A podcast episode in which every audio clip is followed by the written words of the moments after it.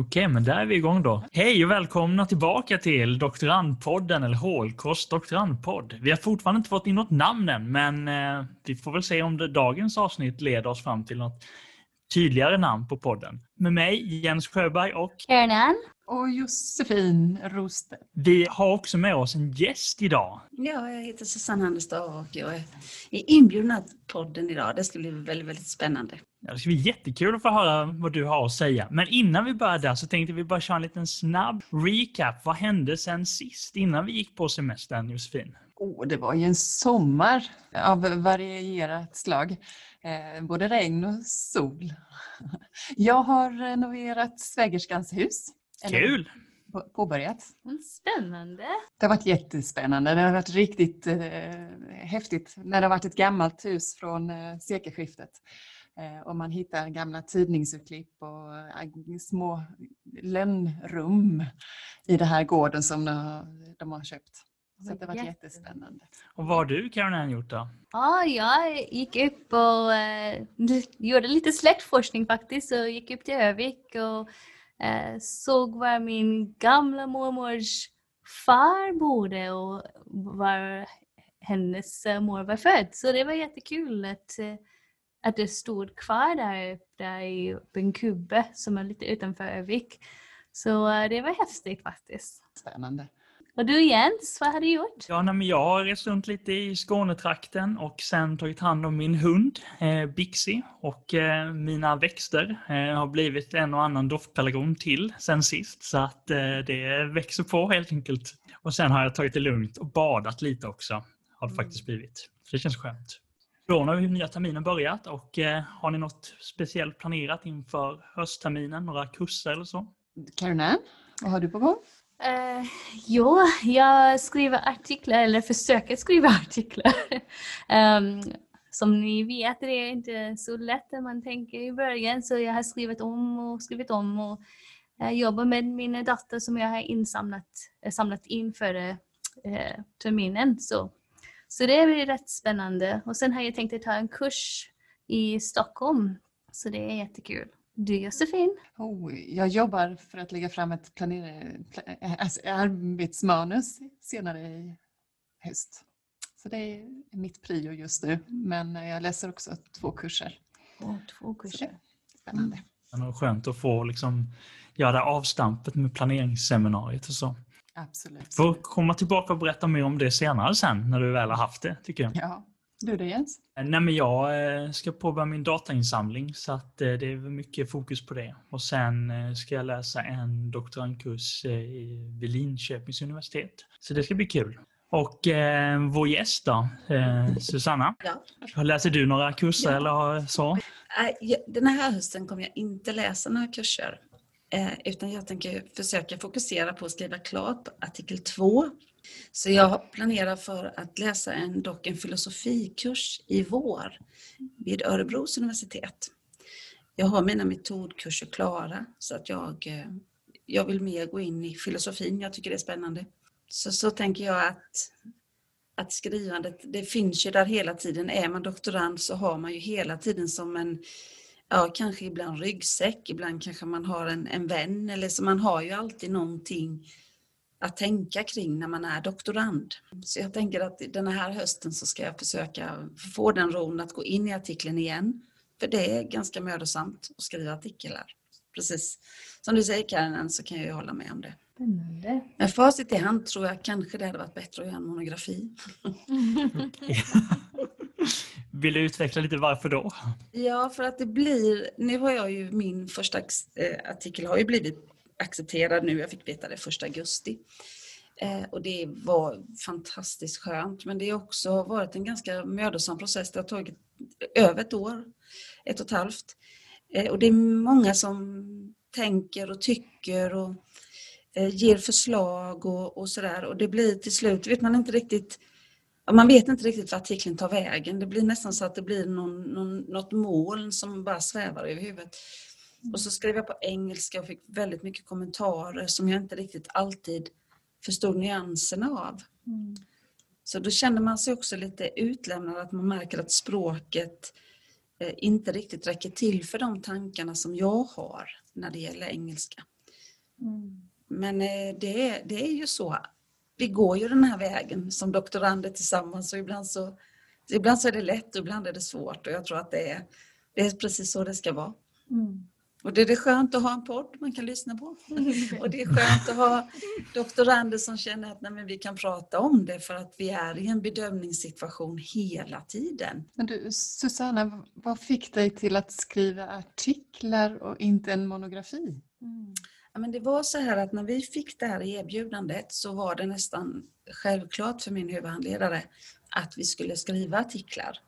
Eh, för att eh, det är det bästa, det, det, det man får poäng till lärosätet och det är lättare att bli liksom Ja, man, man kan lättare komma fram i forskningssammanhang, menade de. Och sen var det ju också så att eh, Robert, då, min bihandledare, Eh, också med som medförfattare till den. Och då var det lättare att vi skrev tillsammans då. Men jag tror att jag hade, eh, om jag hade haft heltidsstudier som doktorand så tror jag det varit lättare. Nu när det blir lite mer utdraget när jag inte är heltidsdoktorand utan jag har bara 20 procent nu så då blir det lite svårt att hålla ihop det. Då blir det så lätt att varje artikel börjar leva sitt eget liv och kappan blir en väldigt stor kappa för att få ihop det här. Men eh, varför har du eh, valt att skriva på engelska? Var det att du, har, du skriver ihop med Robert som jag vet är engelsktalande eller var det att du tänkte det var, var det mer anledning än det? Det var precis den anledningen att Robert eh, kunde skriva på engelska och att det är, det är väldigt meriterande att skriva på engelska. Att man, att man har en artikel, sa de. Och jag kände att eh, jag, ja, jag sa att då gör vi det. men, men jag tänker att om jag får den frågan igen så säger jag att nej, det gör vi inte. men nu är den ju gjord och, jag, och ja. Ja. Så att jag känner att det blir bra. Men som sagt så är det mycket och att en artikel är också, jag tror att som doktorand är man också olika. Vissa är väldigt bra på att skriva artiklar och hålla sig väldigt korta och väldigt liksom kärnfulla och stringenta i sina textproduktioner. Jag som person är nog lite mer att jag blommar ut, svävar ut och jag tror att en, en eh, samman, eh, alltså en monografi hade gett mig mer svängrum till det. Nu kanske kappan kan bli lite mer svängig. Vi får se det. Vi får ha en sån livepodd. kan bli spännande att att få ta del av dem. Ja, Alltså, ett stort grattis tack. Ja men verkligen. till Tack. att den blivit ac- accepterad nu då. Ja. Verkligen. Så jag har fått besked att den ska vara accepterad och sen så sa de så här att eh, från eh, journalen så sa de att vi kommer skicka, så du måste svara inom 48 timmar så att allting stämmer liksom. Och det mejlet har jag inte fått ännu. Jag tittar liksom varje dag, jag tittar och liksom går igenom hela den och så tittar jag i min skräp, vad säger man, skräplåda eller vad säger man? Eh, Men det har inte kommit något så snart måste jag nog fråga dem. Känner jag att, att jag fick lite hög puls nu, men jag tror att det blir bra. Du, en fråga till som gäller det här, din artikel och ditt forskningsområde. Mhm. Vad, vad forskar du om? Vad är du intresserad av? Mm. Och vad har du publicerats? Mm. Eller vad kommer du att publiceras nu då? Mm. Jag tittar ju på interkulturellt förhållningssätt, eh, vilket är ett begrepp som jag känner är ganska svårt, för det är väldigt stort. Eh, och det är egentligen allt och det är ingenting. Eh, för det blir ju allt och då blir det helt plötsligt lite... Men jag tittar på hur förskolan kan arbeta utifrån ett interkulturellt förhållningssätt, där begrepp som demokrati, medborgarskap är viktiga. Jag började med att titta på skrivningen i läroplanen där det står att vi ska överföra ett kulturarv. Det var egentligen det som var min fråga. Vad innebär ett kulturarv i, i förskolan? Men den frågan har allt mer kommit liksom lite i skymundan. Mm. Men det var där jag gick in. Hur jobbar vi med kulturell mångfald? Hur möter vi alla olikheter? Och, så. och hur gör vi med det här när vi inte riktigt när vi inte riktigt är överens om någonting, alltså vad betyder kulturen i en sån konflikt? Blir kulturen då någon, någon slags fördomsraster som jag har när jag vet om, om jag vet hur alla är människor är som om jag skulle exempelvis säga att jag vet hur alla är från Övik. Och då, att där har de en speciell kultur eller om man har en Mm. speciell kultur i Kina eller Mm. Finland eller Sverige. Så eh, det tänker jag lite på och det, tänker jag, det kommer jag fortsätta jobba mycket med Mm. efter det här. Att vad gör kulturbegreppet med oss? Mm. Gör det oss större som människor eller är det så att vi sätts i fack? Ja, men jätteviktiga frågor verkligen alltså. Och eh, får jag nog reflektera på vad befinner man sig själv i och vad vill man vara någonstans också. Mm. Men jag tänkte om vi kommer tillbaka lite grann till din artikel där. Eh, vad är den publicerad i för journal? Ja, den är publicerad i en eh, journal som heter Interculture Education. Eh, och jag kom i kontakt med den för att jag tyckte helt enkelt att den passade vad jag skrev om. Men jag tror att jag hade kunnat välja andra tidskrifter där, som är eh, lite som, eh, som är lite underliggande. Intercultural Education är väldigt stor och den är väldigt eh, bred. Och jag tror att jag hade, om jag hade varit lite mer kanske noga, så hade jag behövt tänka att det finns ju inte culture education som riktar sig mot preschool för exempel då. For exempel. för exempel exempelvis. Eh, och det tror jag att jag hade tjänat på. Utan jag gick ju till den som är lite större och jag tror att det är tre professorer som har granskat så vi har ju fått tillbaka den. Eh, tre gånger har vi fått tillbaka den. Oj, Och det har verkligen varit sådär att ja, vi tycker den är bra, men... Och det de hakade upp sig på, det var att jag hade gjort fokusgruppsamtal. Och eh, efter samtalen så gick jag tillbaka till fokusgrupperna och lät dem läsa eh, vad de hade sagt under de här samtalen. Och det fastnade de lite vid, att de tyckte att jag hade påverkat dem genom att de fick läsa sina egna, av sina egna uttalanden. Då. Så då har jag fått söka för att få stöd i att kunna göra så. Och det har jag hittat. Men, eh, och det är ju jättebra. Det är ju jättefint att de hittar sånt. och gör så att jag får söka mer. Och nu vet jag hur jag kan gå tillväga och jag vet att det finns en etisk linje i att man ska låta respondenterna få ta del av. Att jag forskar inte bara på någon utan jag vill också vara, de ska vara delaktiga och veta vad de har sagt. Då har jag fått vässa mina argument, så det var väl kanske bra. Mm. Även om man helst vill bli bara accepted direkt. Ja, För man äger ju inte sin, eh, sin text egentligen när det publiceras som en artikel. Utan du är ju i händerna på eh, de granskarna. Ja, och, och i mitt fall då så var jag händerna på min, båda mina handledare i och med att Mm. båda hade, var med. Plus de här tre granskarna då, Mm. så det blir ju väldigt mycket. Och ibland så kunde man ju känna, nej men alltså jag lägger ner det här. Mm. Nej men ni kan skriva den, ni kan få min data. Jag ska, jag ska inte skriva mer hela mitt liv. Mm. Men det ändras ju och man blir ju nu så kan man ju sitta här nu när den är då nästan i alla fall publicerad. Eller det är den ju när det är accepterad. Men det var, det, för mig var det en etisk hållning och jag blev eh, lite trött att jag blev ifrågasatt så på det. jag är lite nyfiken på att höra nu då när du har gått igenom den här processen. Vad har du för, ehm, eller vad kommer du ta med dig för tips eh, för dig själv till nästa artikel som du ska skriva? Ja, men det är ju en helt fantastiskt bra fråga. Eh, och den är bra att den kommer nu, för hade den kom, eh, jag har fått den tidigare så vet jag inte riktigt vad jag hade svarat. Nej, men jag tänker att, att man ska hålla i och hålla ut lite som ett mantra för Sverige just nu. Att, att låta också tiden ibland, får det ta tid och tänka att jag behöver inte stressa fram någonting. Eh, Jag kan lägga saker åt sidan utan att behöva sitta liksom, och tvinga fram saker. Det händer saker ändå.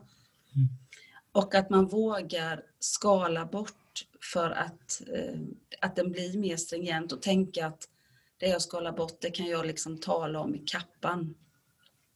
Men att ju enklare artiklarna blir, ju smalare de blir, ju lättare är det att få en, också en, en intressant kappa. Så det tar jag med mig. Åh, vad intressant. Men jag tänkte om vi lämnar lite din, eh, din själva forskning och artikelskrivandet här och går över lite grann på vem är du? Det är ju en fantastisk fråga. Vem är du? Det är väl snarare så, vem blir jag i alla möten som jag har här på högskolan? Jag har ju varit, jag har ju varit, jobbat länge i de här sammanhangen och jag eh, tänker när jag får möta nya studenter, när jag får tänka kring roliga frågor med dem, eh, så tänker jag att jag blir, jag blir lite, ja, men jag blir lite inte kär, det är fel ord, men jag blir lite uppfylld av att möta andra människor. Jag tycker om att, att få ta del av andra människors, att se dem som kunskapsbärare som kommer in här med erfarenheter som jag inte har.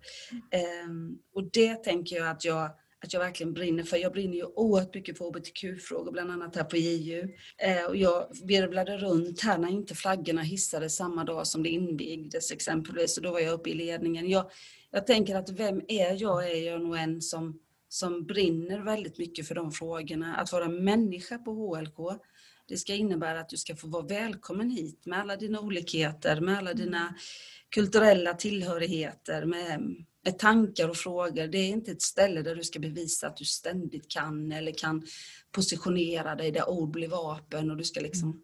slå ner. Utan det ska vara ett ödmjukt ställe där vi kan mötas mm. och försöka göra den här världen lite bättre och vackrare och mer respektfull och kärleksfull mot varandra. Väldigt fint. Mm. mm. Ja, verkligen. Och jag hoppas du kommer fortsätta med också. Det är ju ett, ett arbete som inte får stanna upp. Nej, det får det aldrig stanna upp. Mm. Men det gör det inte när jag har så fina unga kollegor. Vi ska nog flagga. Vi ska ta den här nyckeln har jag fått reda på att det finns nycklar till flaggstängen. Ja. Det kan ni veta. Om ni blir trötta på ert doktorandande så kom till mig så ska vi hissa flaggan. Ja men det låter bra. Ibland behöver man ju eh, ta lite paus i sina ja, doktorandstudier också, så det är bra att ha ett alternativ där. Undrar var vi hänger uppe i flaggstången. Ja, precis. Hissar egna flaggor. Mm. Men eh, Susanna, jag tänkte fråga, jag vet att du jobbar jättemycket här, men vad gör du i din fritid? Vad gör du att avkoppla när du är inte på jobbet? Mm. När jag inte är här mm. så eh, då är jag nästan ganska ofta i Stockholm. Mm. Ja. Jag har mitt eh, barnbarn där så att vi försöker hänga han och jag så mycket vi kan när jag är ledig. Eh, och det tycker jag är väldigt roligt. Jag var lite nervös för att bli mormor. Eh, för att jag tänker att det är så himla kravfyllt och jag tänkte att jag måste vara på ett visst sätt och baka bullar och sådär. Men det har faktiskt funkat ganska bra. Vi gick till Junibacken och det funkade inte så bra så gick vi därifrån och det kändes skönt. Man behöver inte vara på platser som man inte vill vara på. Eh, det var för mycket helt enkelt för, av allt. Men annars när jag inte hänger med honom och han lär mig om livet så tänker jag att eh, jag försöker odla så mycket mat jag bara kan i min trädgård. Eh, och det låter ju väldigt pretentiöst, var väldigt pretentiös i början, för då skulle jag nämligen äta min egen mat i en hel vecka. och det gick ju inte alls. Nej, men det gick ju verkligen inte någonstans. Jag höll på att dö när jag inte fick kaffe och olja. Så tänkte jag, nej men det går inte. Så jag försökte en måltid, då är jag nere i vid nu. Så jag försöker en måltid någon gång i veckan äta det jag odlat själv. Men jag kan säga att det låter bättre. Ja. ja, det är det. Så, och så försöker jag, jag försöker läsa. Jag tycker om skönlitterära verk och jag försöker också att få in det som ett obligatoriska kurslitteratur i nästan alla kurser. Att jag tror att det är viktigt att vi vågar också erbjuda i alla de här artiklarna som är fantastiskt roliga att läsa så är det också så att det skönlitterära är en hav av erfarenheter vi kan ta in mm. i vår undervisning på HLK. Mm. Eller vid JU. Så bra. Så det. Mycket klokt. Ja, men då har vi väl bara en punkt kvar här nu då egentligen i vårt eh, avsnitt. Är det inte så? Cliffhangern. Cliffhangern ja. Vi ska ju komma på det här med namn så jag tänkte innan vi säger hej då och återgår till vardagen så ska vi ju då komma på ett namn till podden. Jag har ju då jobbat lite grann med HLKs doktorandpodd. Men jag tänkte vår gäst Tiara kan ju få komma med förslag så, så vi kan då kanske börja spika detta helt enkelt till avsnitt tre. Oj Jens, tack för den så mycket. Ja men ett namn. Kära någon. Doktor Förlåt, jag var lite taskig här men ja. Nej, det var inte taskig. Har man gått igenom en artikelskrivande, du vet, det är få saker som kan slå det. Uh, uh, uh, nej, jag, jag, kan inte komma på någonting bara så här rätt upp och ner. Doktorandpodd på HLK. Ja, jag tycker den är fin. Vad skulle ni vilja? Skulle ni vilja ha ett lite mer häftigt namn? Creepy-podden eller något sånt? Nej, jag tycker doktorandpodden, jag tycker den säger vad det är. Men då kör vi vidare på det helt enkelt. Och skulle det vara någon av våra andra doktorandkollegor på HLK som har någon annan synpunkt så får ni ju hemskt gärna hojta till helt enkelt. Men då eh, har vi ett namn som vi jobbar vidare på helt enkelt. Tack så mycket. Och vi vill tacka dig så jättemycket Susanna för att du kommit hit, stressat hit Ja. och berättat och mm, låtit oss få ta del av din starka berättelse, händelse med din, din forskning. Vem du Ja, är som en tack. människa. Ja, och tack snälla för att jag fick komma. Jag blev så fantastiskt glad för frågan.